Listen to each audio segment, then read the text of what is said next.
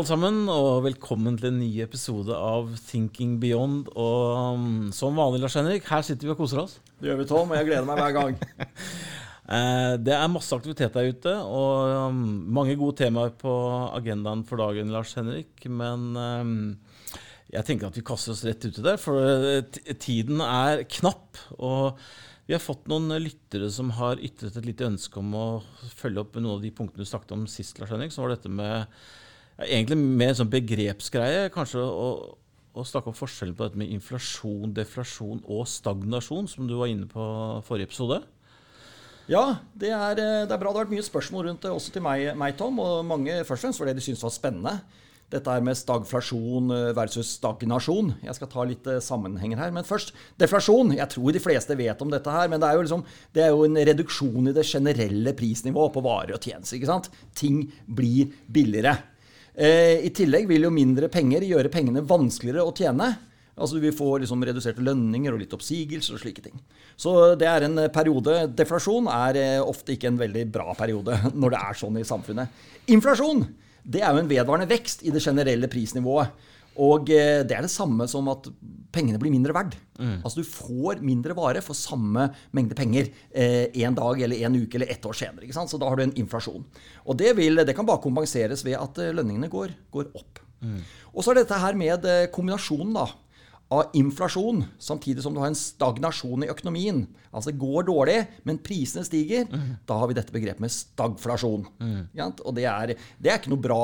Det tror jeg alle skjønner, at eh, liksom det går flere og flere blir arbeidsledige, uh, lønning går ned, eh, men samtidig stiger prisene. Og da får vi det som bygger opp under det som vi har sett med sånn som gule vester og sånne ting, hvor egentlig kjøpekraften forsvinner, samtidig som eh, altså inntektene forsvinner mens prisene går opp. Og da kan det løse bare f.eks. at prisen på bensin, diesel går litt opp, som de gjorde i Frankrike, eller litt på matmoms, sånne ting, så, så får det folk ting til å eksplodere. Folk har rett og slett ikke mer å ta ikke sant. Så det er eh, det. Er, eh, det, er det. Men ka- em, et oppfølgingsspørsmål på det. Altså, jeg bare, bare tenker på dette med, Når du ser for eksempel hva som skjer med boligmarkedet, og sånn, altså hvor kraftig boligpriser og sånn stiger i Norge, så ser vi jo nå at vi er i en periode hvor jeg tror folk er redde for jobbene sine. og det er, det er vanskelig å se for seg noen kraftig lønnsvekst her i Norge nå neste år, i hvert fall. Ja, kan altså, Hvis du ser på koronakrisen altså, Poenget er Tom, at eh, det er jo alltid altså er det veldig få som har blitt på, eller si på en annen måte. Hvis du har kommet gjennom koronakrisen og ikke blitt påvirket jobbmessig, så har du fått økt kjøpekraft. Fordi du er, eh, rentenivået har gått ned, og prisstigningen i fall på en del saker har ikke vært veldig veldig høy.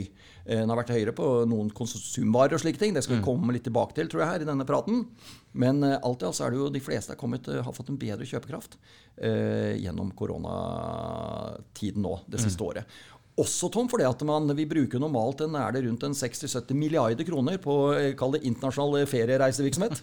Og det er jo blitt eh, borte nå, så det er jo så er det begrenset hva folk både kan og vil reise rundt i Norge og bruke penger her. Og da er det økt kjøpekraft på andre ting. Og det ser vi en enorm konsumvekst eh, innenfor de fleste sektorer. Alt fra mat til elektronikk til sportsutstyr. Har jo kalt, eller KID, altså sengetøy, håndklær. Alt sånne, sånne ting som vi kjøper inn til hjemmet, det har tatt helt av gjennom koronakrisen. Så har det vært en stor atferdsendring, og folk har brukt pengene på en annen måte. Nemlig. Veldig bra, Lars Erik. Um, håper det var forklarende nok for, for dere alle. Og bare fortsett med å stille inn, sende spørsmål etc. hvis eh, dere lurer på andre ting. Men um, et, et litt morsomt spørsmål som jeg har fått. Dette med, er det liksom noen motsats til dette med stagflasjon? Og, og, og det første som slo meg når jeg, når jeg fikk det spørsmålet, var dette med flybransjen. Lars Erik. Hvis du ser nå at eh, jeg som flyr, jeg liker å fly til Spania, eh, til Malaga Jeg var redd for at hvis Norwegian går konk, så har vi bare SAS igjen. Det, da skjer én ting, da går prisen opp. Men nå har vi plutselig fire, fire flyselskaper som skal fly til eh, utlandet. I Norge har vi kanskje fem. Det kan jo faktisk skape situasjoner hvor vi får eh, økt pris, eh, fallende priser. fallende priser, men eh, økonomisk veksten er intakt. Altså. Ja. Ja, så det er litt sånn motstridende her. Men det er riktig. Men akkurat flyet, det som kan skje både i Norge, hvor vi får fem flyselskaper nå etter hvert med Wizz Air og Flyr, som det heter, det nye selskapet, og Norwegian, eller nye Norwegian, og SAS, og, og også Widerøe, som tar deler av markedet, så er det fem selskaper. Vi hadde tre selskaper før koronakrisen. Nå kan det bli fem. Og det er klart, Der kan vi være inne på noe som kan ligne på noe som er det omvendte av stagflasjon. da. For da kan det være så høy produksjon av tjenesten, altså antall flyseter i luften, at, eh, at eh, prisene eh, faller. Samtidig som egentlig etterspørselen er veldig god og stigende. Så da kan du få det fenomenet der at eh, til tross for at etterspørselen er høy og stigende, så klarer ikke de som produserer varen, altså flyselskapene, å ta ut økte priser. Nemlig. Så det er liksom noe motstridende her. Men det kan være kanskje noe vi kaller det motstridende av, eller mot motsatsen til stagflasjon. Du, en Det skal ikke vare så veldig lenge, Tom, for da er noen går konk, et eller annet priser med det for langt ned. et eller annet. Så det blir, jeg tror det blir ålreit å være kjøper av flybilletter i Norge, også internasjonalt eh, de neste årene her. For det er, det er veldig mye produksjon av fly, eller hva skal jeg si, det veldig, kommer til å være veldig stor tilbudsside. Jeg tror generelt at etterspørselen etter fly kommer til å ta seg godt opp når, når ting åpner opp. Jeg tror vi alle begynner å bli ganske lei, men, men um, Definitivt, men tilbudet er der også. Det er poenget mitt. La oss uh, bare kort, når vi først er innom dette med flybransjen, uh, kommentere litt av dette med, som jeg fikk en mail senest i går, om at nå, nå kutter jo Norwegian disse reward-poengene, som skulle være krone for krone. og Det handler vel noe om denne restruktureringen som foregår. og Jeg merker ser jo på, på medier at folk er ganske forbanna over det. Ja, altså Nå er de ikke helt trygg, sikker sikre på om de, om de kutter eller bare at det er en sånn standstill. Og de skal få en eller annen form for verdi når, når eh, De skylder litt på korona- eller pandemitiden her. Men det er jo også selvfølgelig en del eh, av den refinansiering som foregår nå, og hvordan man behandler usikrede krav. Eh, Dette, har jo, dette er definert som en usikker krav, og eh, vil få en form for en, en dividende eller en andel av, av eh, verdiene som blir igjen etter at refinansieringen er. Så får vi se hva den blir. Men her er det mange ting å tenke over nå. Det eh, det ser ut til at kreditorene kjemper en hard kamp nå. Det er kanskje ikke den gavepakken til den nye egenkapitalen som jeg tok opp selv i, for et par uker siden i en LinkedIn-artikkel hvor jeg lagde litt humor rundt at det så ut til at alle linet opp eh, på kjøpsiden av ny eh, egenkapital. Altså ville være med å refinansiere selskapet. Eh, da følte jeg at eh, kreditorene hadde gitt, eller, gitt altfor mye. Hvis det ble en sånn gavepakke til den nye kapitalen. Det er kanskje ikke så eh, bra allikevel her. sånn at, eh, at den køen er kjempe, kjempe, kjempelang for å være med på å finansiere opp den nye eh, Norwegian. Vi får se hva denne kampen ender med. sånn. Og Her kommer dette med reward-poengene som en av de småtingene som er. liksom, Hva, hva skjer med de, det tilgodehavende man har i form av, eh, av cash-poengene sine? Så det er en delikat sak. Burde de f.eks. også få andel, få konvertert det til, til, til aksjer? For å være med litt på oppsiden her, og ikke bare ta nedsiden. Så det, det er mange spennende ting som skjer de neste dagene og ukene her. Jeg har sett at Jakob Skram har fått det spørsmålet av media, forresten, men jeg har ikke kunnet svare noe på det. Men vi skal, gå, vi skal komme oss videre, Lars Eik. Du, eh, en liten rask refleksjon. Eh, jeg ser jo at det er mye uro i, i media rundt dette med vaksiner og effekter. og Covid-tallene går ikke akkurat ned ute i Europa. Men én ting som jeg biter meg merke i, er at eh, oljeprisen Lars Eik, den, eh, den lar seg ikke skremme. Nei, oljeprisen eh, den er, den, er, den er litt fascinerende nå. For den holder seg jo egentlig altfor sterkt hvis vi ser på akkurat det nå-bildet av hvordan situasjonen er. Eh, For det er klart, akkurat nå så er det mange ting å bli skremt av. Men så er det det hvis man løfter blikket eh, noen måneder eller kvartaler fram i tid, så ser det mye, mye mye bedre ut for oljeprisen. Så det er et sånn veldig todelt marked her nå. Og det er nok det eh, som eh, si, overvekten av markedet lener seg mot. Og derfor eh, heter oljeprisen nå for brent 57 dollar. Eh, og ikke kanskje ned på 40-tallet, som et, som et nåtidsbilde av etterspørselen ville tilsi, og den usikkerheten som er. Så, eh, så eh, det er vel bare det å si det, Tom, at det er i samsvar med det vi har snakket om tidligere. At det, det er noe som ser veldig bra ut for oljeprisen når vi går litt fram i tid. Tilbudssiden har blitt kuttet, og etterspørselen kan komme veldig, veldig raskt tilbake.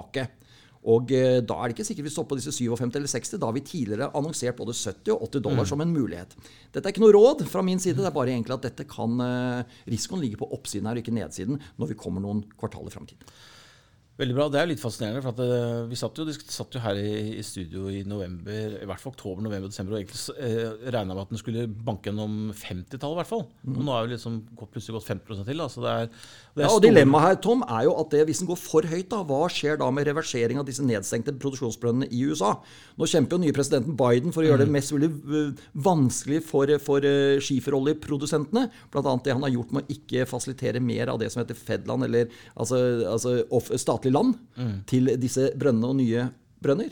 Men, eh, men eh, industrien den får jo betraktelig bedre økonomi når vi har sagt at VTI-prisen er, er litt opp på 50-tallet. Da kan det komme tilbake igjen. Og sånn sett uh, bli en tilbudsfaktor som kan forstyrre bildet litt på litt, litt lengre sikt også. Så oljeprisen bør ikke, gå, den bør ikke gå for høyt og stabilisere seg der, men jeg sier i disse sjokkperiodene så kan vi også se at når det er et tilbudsunderskudd i, en, i en gjeninnhentingsfase noen måneder og kvartaler fram til, så kan oljeprisen gå veldig høyt på kort sikt. Der vil den selvfølgelig ikke bli liggende. Den blir ikke liggende på 80 dollar. Jeg, men den, den, kan, den kan gå dit. Og da blir det plutselig fest i aksjemarkedet for den type aksjer. vet du, Tom. Da skal alle ha det. Da kommer, da kommer de inn der. Um, du, uh, resultatsesongen Lars Erik, er i full gang, og det er jo temaer som vi syns er veldig gøy å prate om. Det er jo spennende, og det er, det er dagsaktuelt, for ikke å si det minst. Men um, dette er jo fortsatt tidlig, men det blir, det blir, naturlig å snakke om de, om de neste podkastene. I hvert fall litt av det. Så hvis vi skal se litt på de estimatene som ligger der ute, hva, hva ser du for at vi kan forvente oss for fjerde kvartal nå 2020? Ja, det er, jo, det, er jo, det er, jo, spennende. Det, jo, det, har ikke blitt like, det blir ikke like dårlig i fjerde kvartal 2020 som det man kanskje trodde når man sto i annet kvartal. og Alt så helt forferdelig ut. Mm. Det blir jo bedre. Men vi får altså et betydelig resultatfall eh, samlet sett i fjerde kvartal 2020 i forhold til fjerde kvartal 2019, mm. som var et helt normal fjerde kvartal før korona, før vi det hele tatt snakket om dette her. ikke sant? Mm. Så, så, men det vi ser, det er et, det er et, veldig, det er et eh, veldig, splittet bilde. Det er Noe gjør det veldig bra, mm. og noe gjør det veldig dårlig. Og De som gjør det dårlig, er der det typisk har vært et produksjonsoverskudd eller et sviktende etterspørsel. Og da har vi jo energimarkedet med olje og gass. Mm. De lider fortsatt fra et veldig sterkt fjerde kvartal 2019 til et relativt dårlig eh, fjerde kvartal 2020. Så der er jo resultatfallet over 40 mm. forventet å være. Men verre er det for fisk. Og da mm. snakker vi oppdrett, eh, laks, eh, hvor, hvor etterspørselen har blitt rammet prisene er lave. Men ikke bare det. Vi ser også at produsentene ikke har vært veldig veldig flinke på å holde kostnadene sine. Så det har også resultert i at produksjonskostnadene har gått litt opp. Mm. Så kombinasjonen av økt produksjonskostnad og lavere priser, mye lavere man kunne egentlig tro, mm. det gjør at resultatene blir veldig dårlige. Så der får vi nesten en halvering, eller over en halvering, mm. av, av, eh, forventet nettoresultat for den sektoren i fjerde kvartal 2020 i forhold til fjerde kvartal 2019. På den helt motsatsen så har vi jo konsum, mm. som vi snakket om her. Og det er ganske spennende. Ja, det, er, det, har gått utrolig bra. Og der er det en ordentlig oppgang. Vi Markedet forventer ca. 18% bedre inntjening for konsumaksjene i fjerde kvartal 2020 i forhold til året før. Og det har sammen med det jeg snakket om i stad, at det har skjedd en total endring i folks, hvordan folk bruker pengene sine. Men det har resultert i en veldig spennende ting, eh, Tom, som bekrefter at det er sterkt konsum der ute. Det er at det er blitt problemer i logistikkjeden her. Containermarkedet har strammet seg ordentlig til mm. nå. Og det bekrefter det jeg snakker om her globalt, at konsum og det nye konsum, konsumentmønsteret, det har, eh, det har slått eh, det har gjort det vanskelig å få til logistikken her. Det har gått for fort opp. Og vi ser at eh, det har hopet seg opp eh, konteinere eh, på feil steder. Og de er ikke i Asia, der de burde være for å plukke opp varer. Så det som kan skje nå, Tom, er at det blir en liten forsinkelse i leveranser ut av Asia inn til Europa, inn til USA av asiatiske konsumentvarer. Det kan også resultere i på kort sikt at det kan bli litt dyrere å transportere varen. Men husk allikevel hvor billig det er å transportere containervarer fra Asia til Europa. Det koster ikke mer for en container på båt fra Kina til Rotterdam enn det det koster med en container på lastebil fra Oslo til Trondheim. Det er samme pris. Det sier litt hvor billig det er å frakte ting på, på båt. Mm. Men allikevel, det er eh, det som skjer i containermarkedet nå, med at det er en, eh, faktisk en fysisk shortage, det er for lite containere tilgjengelig i Asia for, for, eksport, det er en bekreftelse på at eh, det hopet seg opp i, i mottakerlandet og ikke kommet tilbake til eksportlandet enda. Så det, det ordner seg i løpet av noen måneder, men det bekrefter at konsumentmarkedet globalt er veldig veldig sterkt nå. Og det er asiatiske eh, varer som etterspørres. Da er vi inne på elektronikk og alt. ikke sant? Det blir spennende uansett. Eh, dette er jo som sagt estimater, så det blir jo spennende å se hvordan, hvordan dette kommer inn endelig. Det, det, svaret vil vi få senere. Men um, det er jo noen selskaper som allerede har vært i vinden og levert resultater. Og en av de selskapene som vi har snakket om i podkast flere ganger, er jo faktisk Tesla, som har levert. Ja. Vi har hatt Facebook som har levert, og vi har hatt Apple. Um, noen av de tre som du har lyst til å dra fram noen ord om? Lars Erik? Nei, eh, Vi kan vel si eh, Apple først og fremst, som altså omsetter for over 100 milliarder dollar i løpet av et kvartal. 110, 110 ja, de er det første. Ingen har vært over 100 milliarder dollar før, og de kommer altså opp på 110 mm. milliarder dollar.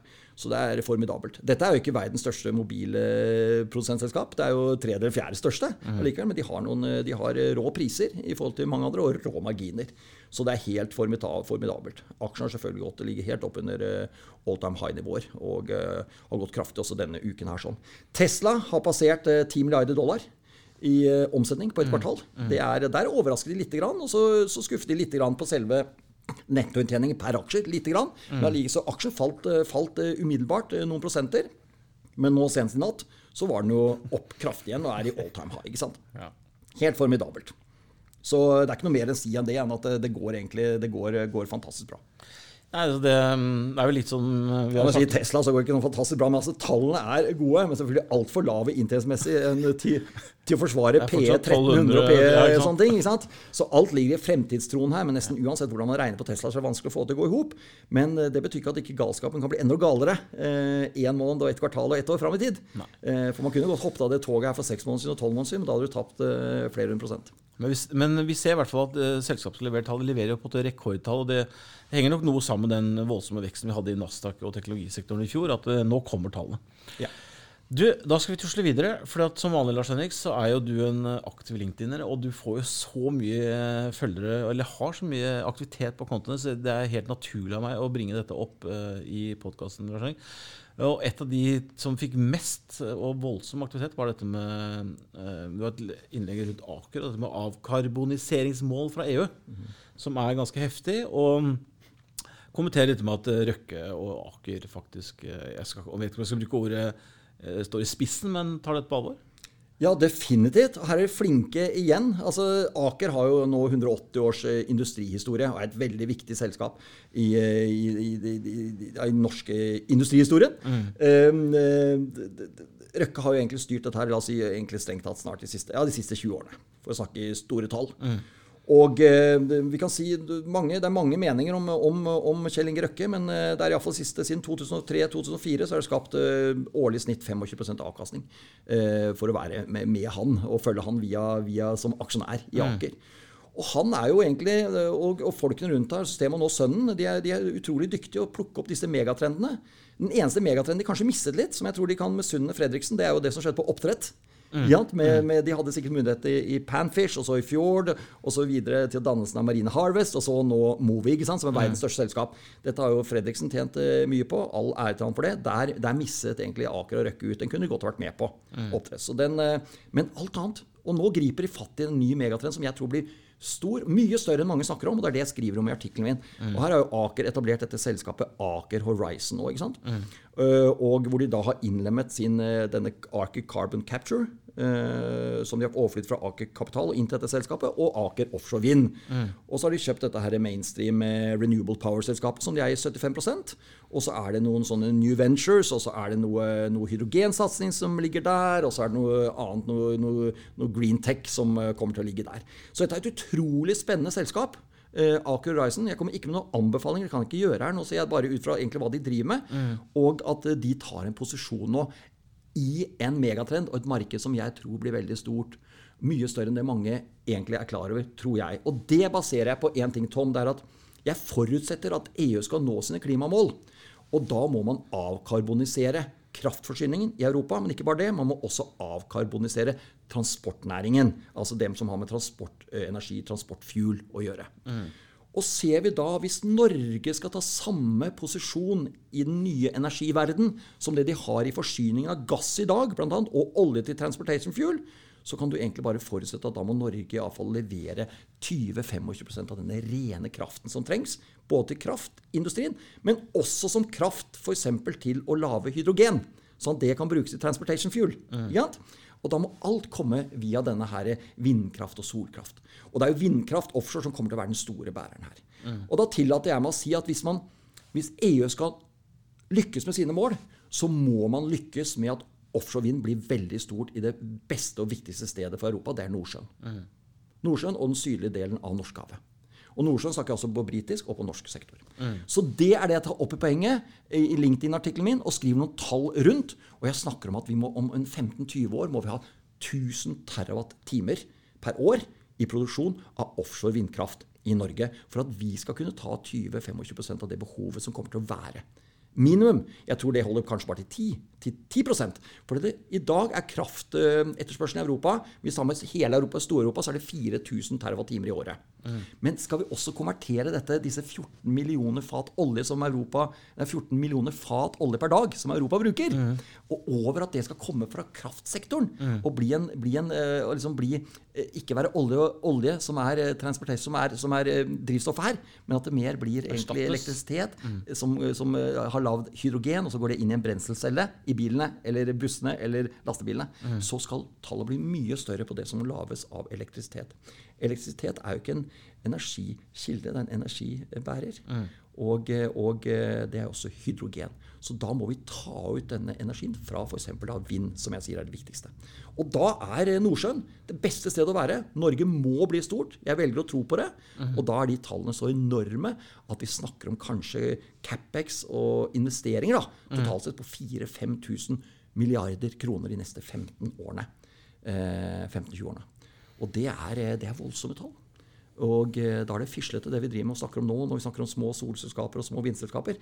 Her må det mye, mye, mye større. Mm. Og det er her jeg mener at Aker Horizon kan være et selskap som tar en sånn posisjon. Så det er, dette må banker tenke på. Investeringsbanker.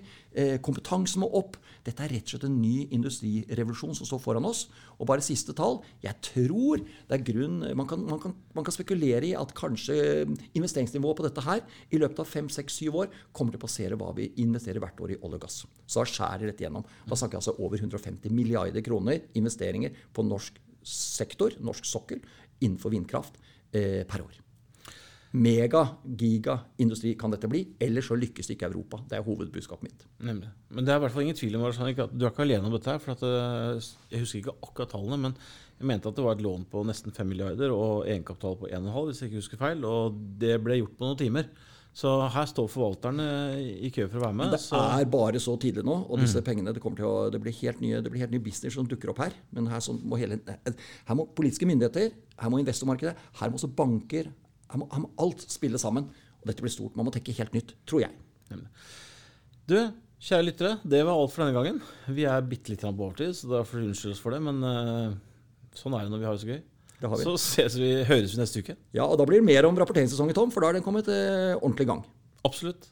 Vi høres. Ha det. Ha det.